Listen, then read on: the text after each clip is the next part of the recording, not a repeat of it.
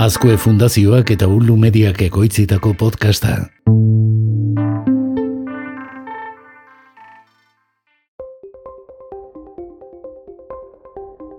Errealitate virtuala kontzeptua entzuten duzunean, etorkizuneko gizartearen asmakeria bat edota zientzia fikziozko filma ospetsuren bat etor dakizuke gogora. Aitzitik, gero eta ohikoagoa eta erabiliagoa bihurtzen ari den zerbait da. Errealitate virtuala hezkuntzan osagai eraldatzailea izan daiteke. Urrutiko espazioak aztertzen eta elkarrizketak sustatzen lagun dezake. Gure ikaslei munduko beste leku batzuetako bizitza nolakoa den imaginatzen lagun diezaiekete. Virtual reality is technology that simulates the real world. The most popular form of virtual reality uses a headset. With virtual reality, students can be transported to new places, like a coral reef or a rainforest. Entzun dugun audioak dioen bezala, errealitate virtuala mundu erreala simulatzen duen teknologia da. Errealitate virtualarekin ikasleak leku berrietara eraman ditzakegu izan koralezko arrezifean dira edo oian tropikal batera. Gaurko saioan, txango virtual hauek ikasgelan nola egin ditzakegun azalduko dugu. Nirekin bidaiatu nahi duzu?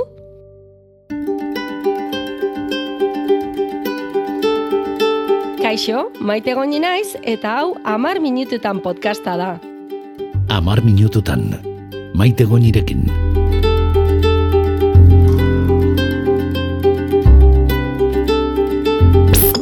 Kaixo, oier. Maite, nola ez dut nahiko bidaiatu zurekin? Kaixo, kaixo. Kaixo, bai, imaginatzen nuen, eh? eh jo. Gaurko gaia zeirutzen zaizu. Oso interesgarria. Bueno, ni tekno pata bat naiz, beraz. E, Bai, e, bueno, hori da. Oso gustora hitz egingo dut errealitate virtualaren inguruan. Hori da. Gustatzen zaizu, gustuko duzu errealitate virtuala izan duzu esperientziarik edo? Ez dut izan, baina interesez jarraitzen dut, e, bai errealitate virtuala, bai adimen artifiziala eta bai horlako gaiak, ezta?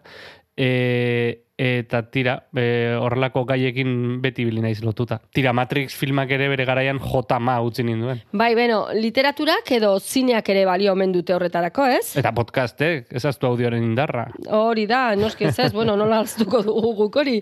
Beraz, beste mundu batera jauzi egiteko prest, ez da, oier, hasiko gara. Noski baiet, errealitate virtualeko betaurrekoak jantzi behar ditugu, edo pilula urdin bat emango didazu, Matrix ikusteko. bueno, bueno, orain ez lasaize. Azteko esan dezakegu, errealitate virtualari buruz hitz egiten dugunean, ba, e, lehenengo gauza etortzen zaiguna, ba, justu horixe dala, ez, betaurrekoak. Ba, betaurrekoak balin baditugu oso ondo, eta ikasle guztientzat betaurrekoak balin baditugu are hobeto. Baina, egin dezakegu baita bakar batzuk e, izan da klasean, ba, txandakatu zerabili. Baina badugu beste hirugarren aukera interesgarri bat. Eta izango da, betaurrekorik gabe ere, txango virtualak egitea. Eta azkenean helburua berbera da. Ikus ditzagun aukera ezberdinak. Have you ever had a dream, Neo, that you were so sure was real? What if you were unable to wake from that dream? How would you know the difference between the dream world and the real world? Zertarako erabili dezakegu errealitate virtuala hezkuntzan? Zer helburu didaktikorekin maite? Ba, hori da importanten ez. E, badakigu gero eta aplikazio gehiago daudela hezkuntzan, ba, erabilgarriak direnaz, e, direnak ez. Adibidez, ba, errealitate virtualaren bidez, beldurrak usia ditzakegu. Ba, norbaitek, e, ba, ez dakit, e, publikoar aurrean hitz egiteko beldurra balin badu, ba, errealitate virtualean murgilduz hori landu liteke.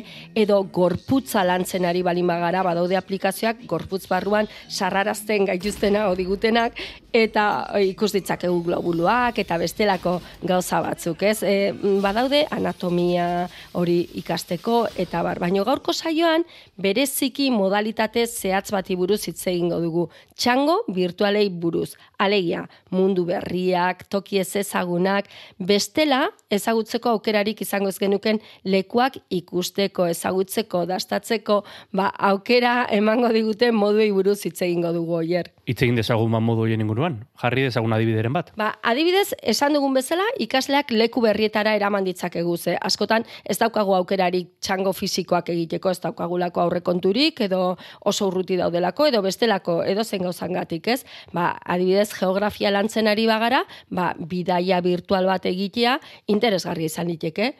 edo literaturan, Imaginatu ikasleak liburu bat irakurtzen ari direla, eta bertan, ba, erroma saltzen dela adibidez, ez? Ba, osatzeko egin dezakegu mm, bidaia virtual bat, ba, kolisiumera, edo, ez dakit, ba, beste, edo antzinako zibilizazioak lantzen arituko bagina, ez? Ba, matxu pitxura joan gaitezke, edo txitzen hitza. Eta iztegia ere landu dezakegu? Ba, e, iztegia lantzeko ere aukera polite da, ze. Imaginatu, e, mendiak, edo ta klima, edo natura, habitat ezberdinak lantzen ari garela, ba, e, ba daude bidaia virtualak eberestera adibidez e, ba, egin dezakegu eta bidaiatzen goazen bitartean ba e, hango iztegia landu edo klima edo bestelakoak, ez?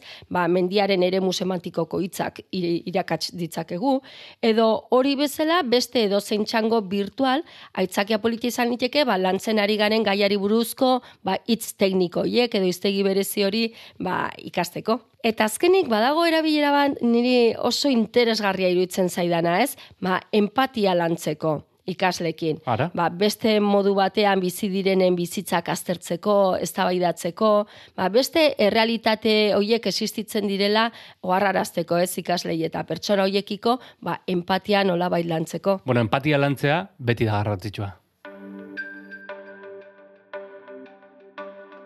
Bueno, eta betikoa, nondik az gaitezke hau lantzen? Hori da, lehenengo galdera da, txango fizikoak prestatzen ditugunean bezalaxe, lehenengo gauza izango da, ba, ze lotura kurrikulumarekin, ez, lantzen ari garren horrekin, lotura bilatzea.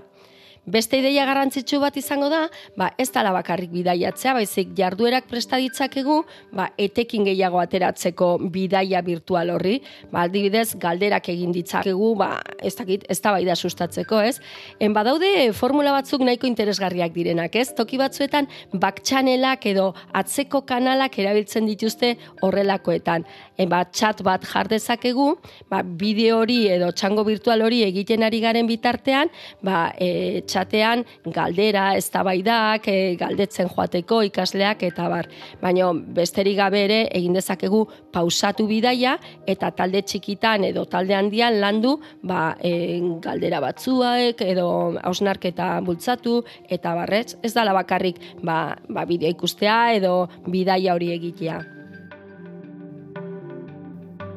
Tira, eta ze galderak egin ditzakegu hau laguntzeko? Ba, adibidez, e, hausnartzeko balin bada, ba, zer ari gara ikusten, edo zer entzuten ari zara, edo han egongo bazina, bertan egongo bazina, ze uste duzu entzungo zenukela, ikusiko zenukela, edo urrengo urratsa zein izango litzateke, edo ez dakite, seguraldiari buruz galdetu dezakegu, eta empatia, nola, esan dugun bezala, empatia lantzeko ere baliagarri izan liteken, ba, nolako izango litzateke adibidez zure bizitza, ez, leku horretan bizi iritsiko bazina, edo zein oitura izango zen ituzken, ba, bueno, pixka bat ere jartzeko bestearen tokian zer erosiko zenuke, ze bazkaldu, ze oiturak izango zen ituzken, ez, gustatuko litzaizuken edo ez, egon zara antzeko lekuren batean, edo gustatuko litzaieken bertako lagunak izatea, eta pixka bat lantzeko, ba, baita, ba, esan duguna, besteen bizitzeko modua. Eta galdera hauez gain, bestelako e, lanketarik egin dezakegu? Ba bai, adibidez, e, bat e, politia izan liteke Flipgrid e, erraminta hau behin baino gehiagotan e, aipatu dugu, e, da bideo bidezko foro bat izango alitz bezala, ez? Aplikazio bat, ba, erantzunak foroan eman beharren idatziz, ba, bideo bidez emateko. Gela bat sortzen duzu, ataza izan liteke bideo hori ikustea edo bidaia virtuala egitea, eta gero beraiek erantzun dezakete bideo bidez, ba, beraien esperientzia esperientzia kontatuz edo galderei erantzunez eta bar. Eta gauza bera noski egin dezakegu edo zein LMS erabiltzen dugula, ez? Ba, Google Classroom erabiltzen bali badu, ba Google Classroomekin lotu dezakegu ataza hori edo e, Moodle erabiltzen bali badugu, ba ataza moduan jar dezakeguan, ba gero galdera guk erantzunak jasotzeko noski. Jarduera hauek aurretik noski e, hasi aurretik egin litezke gogo eta sustatzeko bitartean bidaiatzen ari garen bitartean edo ondoren egin litezke. ni orain egoista jarriko naiz, aita naiz ni, eta etxen txikitxoak ditut. E, bai. Txikierentzat berria izan daiteke esperientzia, ez? Bai, eta komeni da gainera prestatzea, ez da hemen sorpresa ematea eta, eta denak hor, ez, hmm. ez, ez, ondo prestatu behar dira. Adibidez, ba, imaginatu betaurrekoak ipini behar badituzte, ba, lehendiken ere txikienekin landu egin beharko dugu noski. Eta e, bestela ere, betaurrekori gabe egin behar badugu, iru, e, gero azalduko ditugun bideoak ikusita eta bar, ba, hoiek ere tabletetan horretan nola mugitu eta nola ikusi eta adibidez esango zaie ba, e, begien parean jartzeko tableta, ez buru gainean, ze agian eror liteke tableta edo zerbait ez, Mhm. eta nola ze mugimendu egin besoekin. Ordun hori landu egingo genuke batez ere txikienekin hasten bagara erabiltzen. Bueno, betaurrekoak denok etortzen eskigu burura, ez? E, betaurreko handi horiek barneratzen laguntzen digutenak, baina nola egin daiteke betaurrekori gabe? Ba, erantzuna da, irureun da irurogei graduko bideoak edo iku, e, irudiak ikusiz, ez? E, bizi litezkenak, hau da. Ez dakit e, ikusi dituzun irureun da irurogei, imaginatzen dut baietz, ez, oier? Bai, bai, bai, bai. Indezakezuna da, ba, xaguarekin edo bestela e, mugitu, eta ordun da, ez da bideo bat jartzen dizutela eta, bere, eta bideo horretan e, irudi batzuk erakusten direla eta listo zuk mugitu dezakezu eta parte izan, ez? Ba, atzealdea, goiko aldea, beko aldea, ba, Google Street View edo ikusten dan esperientzia antzekoa.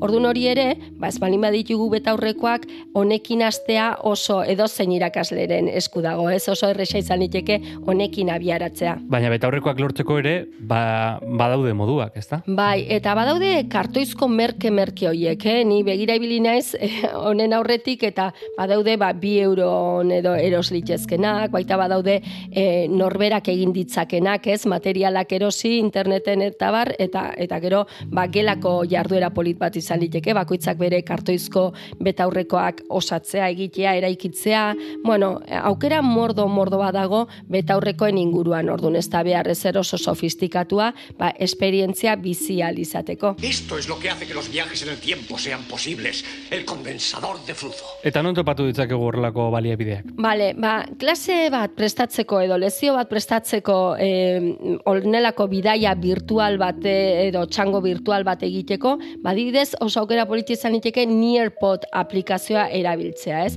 Nearpodek ematen du aukera e, ikaslei, e, ikasleen ordenagailutara eramateko ba, e, zuk nahi duzuna egitea, ez da? Adibidez, ba, e, diapositibak ikus ditzakete, erantzun dezakete zure galderak, ditzakete zure galderak eta bar, eta baita txerta dezakezu, badago atal bat txertatzeko errealitate virtualeko esperientziak. Ordun zuk e, presta dezakezu horrelako aurkezpen bat, Nearpoden, eta beraiek ikusiko dute, ba, bidaia hori egin dezakete, bideo hori ikus dezakete bai betaurrekoekin, eta bai betaurrekori gabe, eta gero gainera bertan txerta ditzakezu galderak, ba, esan duguna, ba, lantzeko. Eta mm, adibidez Nearpoden daude bidaiak, ba, e, Eiffel dorrea ikusteko, edo Fibonacci, e, bueno, zenbakien inguruko lanketa egiteko, e, bueno, mm, e, maian e, zibilizazioa ikusteko, mm, La Sagrada Familia, katedralak, bueno, denetarik, eh, pixka bat saltzeatzea ondo egongo litzateke. Eta ez badugu nahi, e, aplikaziorik edo kontua sortu eta aplikazio baten sartu, joan gaitezke agian errexena hasteko YouTubera joatea da, eta YouTubeen bilaketa egiten dugunean, gero, eramaten gaitunen ba, emaitzetara badago iragazi, oso hola, e, ez dakit ikusi dezun inoiz, iragazi filtratu azaltzen da. Eta horri klik eginez, ematen du aukera bideoak filtratzeko, iragazteko, ba, guk nahi deunaren irizpidearen baitan. Eta hoietako bada, irureun da irurogei bideoak eta bideo virtualak. Ordun egin dezakegu espreski, bilaketa bat, filtratuta, iragazita, YouTubeen. Eta ordun jar dezakegu, nora nahi dugun jun, ba, London edo Pisa edo eta iragaziko dugu e, kriterio irizpide horren baitan. Beste bat da irureunda irurogei cities.net. Horixen, ba, hortxe, esan duzun bezala, horrea joaten balin bagara, topatuko ditugu, Taj Mahal, e, e, ez dakit, baina Euskal Herria, bueno, egonez bilaketa egiten, eta Basque Country jarrita, ziburuen, daiale, keitio barrika, azaltzen dira, irureun da irurogei graduko bideoak, hoiek guztiak erakusten dituztenak, eh? Zoragarria. Eta gauzak erraz egiteko, ba, badaude YouTubeen kanal batzuk, ba, zuzenean joateko, ez? National Geographic eta BBC-ren YouTubeko kanala ere oso interesgarria da. Hoietan ere, iragazia jarriko dugu, irureun da irurogei graduko bideoak, eta hortxe aukera mordo bat izango ditugu. Niri asko gustatzen zait, eta arpidetuta nago, New York Timeseko eh, VR e, plataforma. Bai, e, New York Times da e, zoragarria bere osotasunean ez. Badauke atal bat bereziki munduko zazpi mirari berriak jarrita ingelesez, Seven Wonders of the World, begiratu oier alduzunean. Begiratuko eta orduan ematen dizkizu zazpi mirari berri hoiek direla e, Taj Mahala, de, e, Txinako e, The Great Wall, edo Petra, edo Kolisiuma, edo, bueno, e, aipatu ditugunak lehen, ba, olako bideo zoragarri zoragarri hoietan, ez? Eta imaginatu dezakezuen bezala beste asko daude, ez? Adibidez, Google Arts and Culture marabila bada, edo Live VR-ren webgunea, baina, bueno, horiek, e, ba, zuek ere kuskusiatu pixka bat, eta joan, dakizuela existitzen direla horrelako baliabideak, bai pini irureunda irurogei graduko bideoak, eta esan bezala, ba, hortxe topatuko dituzue aukera mordo bat. Boa, maite, pasada bat izan da garko bidaia, eta virtualki bidaiatzeko desioan geratu naiz. E, e, gogoratu labur-labur, zein urratxe eman Bai, inpa, mesedez. osea, labur-labur eta inorrez nasteko, esango dugu, lehen bizi, irakaslea bazara, errepasatu zure helburu didaktikoak, eta identifikatu, ba, zein arlo izan daitezken aproposak errealitate virtualarekin ba, lantzeko. Nire bilaketa terminoak findu behar ditut hortaz. Nora bidaiatu nahi dudan, eta zein plataforma erabiliko dudan horretarako. Hori da, bideoa topatzen duzunean, gero, pentsatu nola partekatuko duzun ikaslekin, eta zein jarduera egingo duzun, adibidez, ba, Nearpod bidez balin bada, lezio batean integratuta. Eta bestela, ba, solte, eta gero zuk ariketak ba, betiko moduan egin, Google Classroom, Moodle, eta bar. Primeran, dena garbi orain. Eta nora bidaiatzeko asmoa duzu, oier? Ba, impernura lastana. Ba, seguro hemen baino eguraldi hobea egingo duela, ez?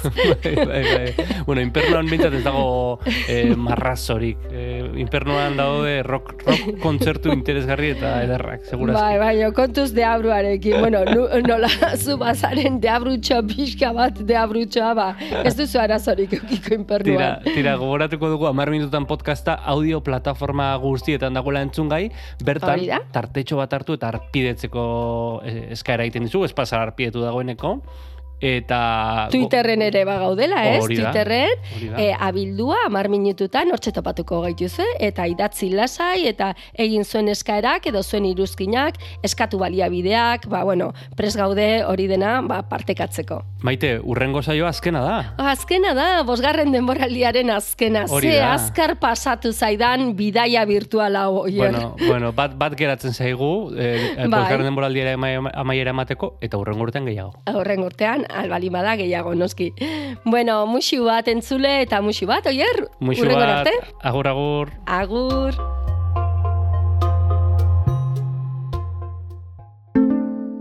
Azkoe Fundazioa. Ei, txt, entzun hori. Ulu Media.